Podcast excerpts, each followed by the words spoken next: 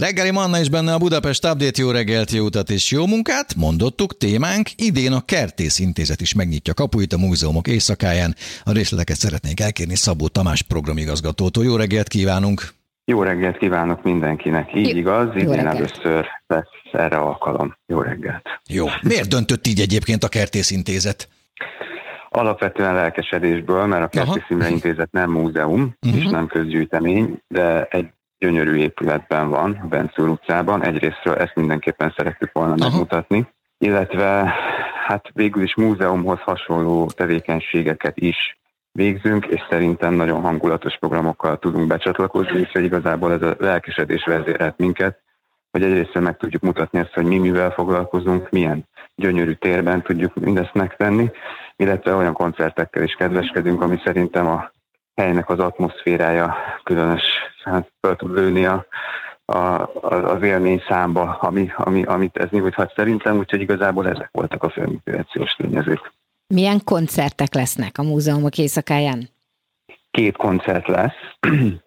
Alapvetően olyan előadókat választottunk, akik a versmegzenésítési pályázatainkon részt vettek, vagy hát díjazottak lettek egészen pontosan. Az egyik Bogdán Norbert Lanó, aki a Sziveri János verseit megzenésítési, megzenésítő pályázatunk egyik győztese volt. Uh-huh. A másik pedig az Oliver from Earth együttes, uh-huh. amelyik pedig a Pilinszki János vers megzenésítési pályázatunk egyik díjazottja. Úgyhogy úgy fog kinézni röviden a program, hogy 6 órakor és 7 órakor lesz egy épületséta, amit egyébként én, én tartok, és oh, elsősorban hát. ilyen mű, igen, hadd, hadd reklámozzam magamat egy oh. kicsit. Csak nyugodtan. ez alapvetően egy, ja, köszönöm szépen.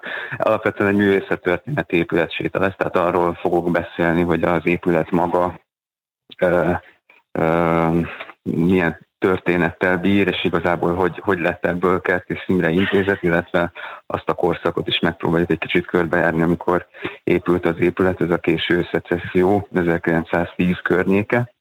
És utána lesz ez a két koncert, amiről beszéltem, az egyik, tehát hatkor és hétkor lesznek az épületséták, nyolctól lesz Bogdan Norbert Lanó, kilenckor pedig az Oliver from Earth, és utána tízkor és tizenegykor pedig lesz egy irodalom, irodalomtörténeti séta, ami szintén az intézet falai között és a falain kívül lesz. Ez elsősorban azokra a szerzőkre fog fókuszálni, akiket hát úgymond mi képviselünk. Uh-huh. Jó, ha már itt tartunk egyébként, Tamás is beavattál bennünket, hogy te vezeted ezeket az épületsétákat, anélkül, hogy elspoilereznénk a múzeumok éjszakájára tervezett programot. Néhány gondolatot azért megtudhatunk erről az épületről?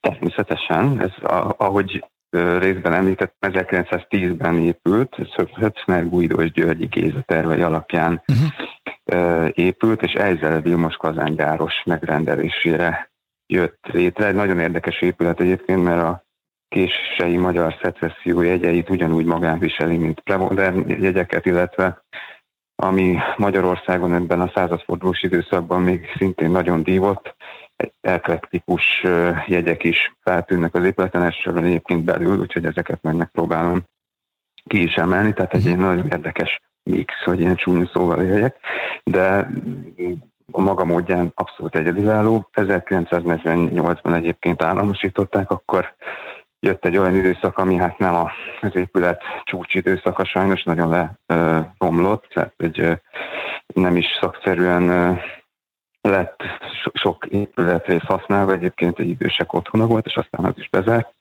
és végül a Kertész Imre Intézetet fenntartó alapítvány 2017-ben vásárolta meg, és újította föl két év alatt, ami, aminek a végére 2020-ban ért, és akkor nyílt meg végül ez, a, ez az épület, felújított épület, mint a Kertész Imre Intézet székháza amit ezek szerint június 25-én mélyebben is lehet megismerni. Kívülbelül? Kívülbelül. Jó, hányra érkezzenek egyébként az érdeklődők?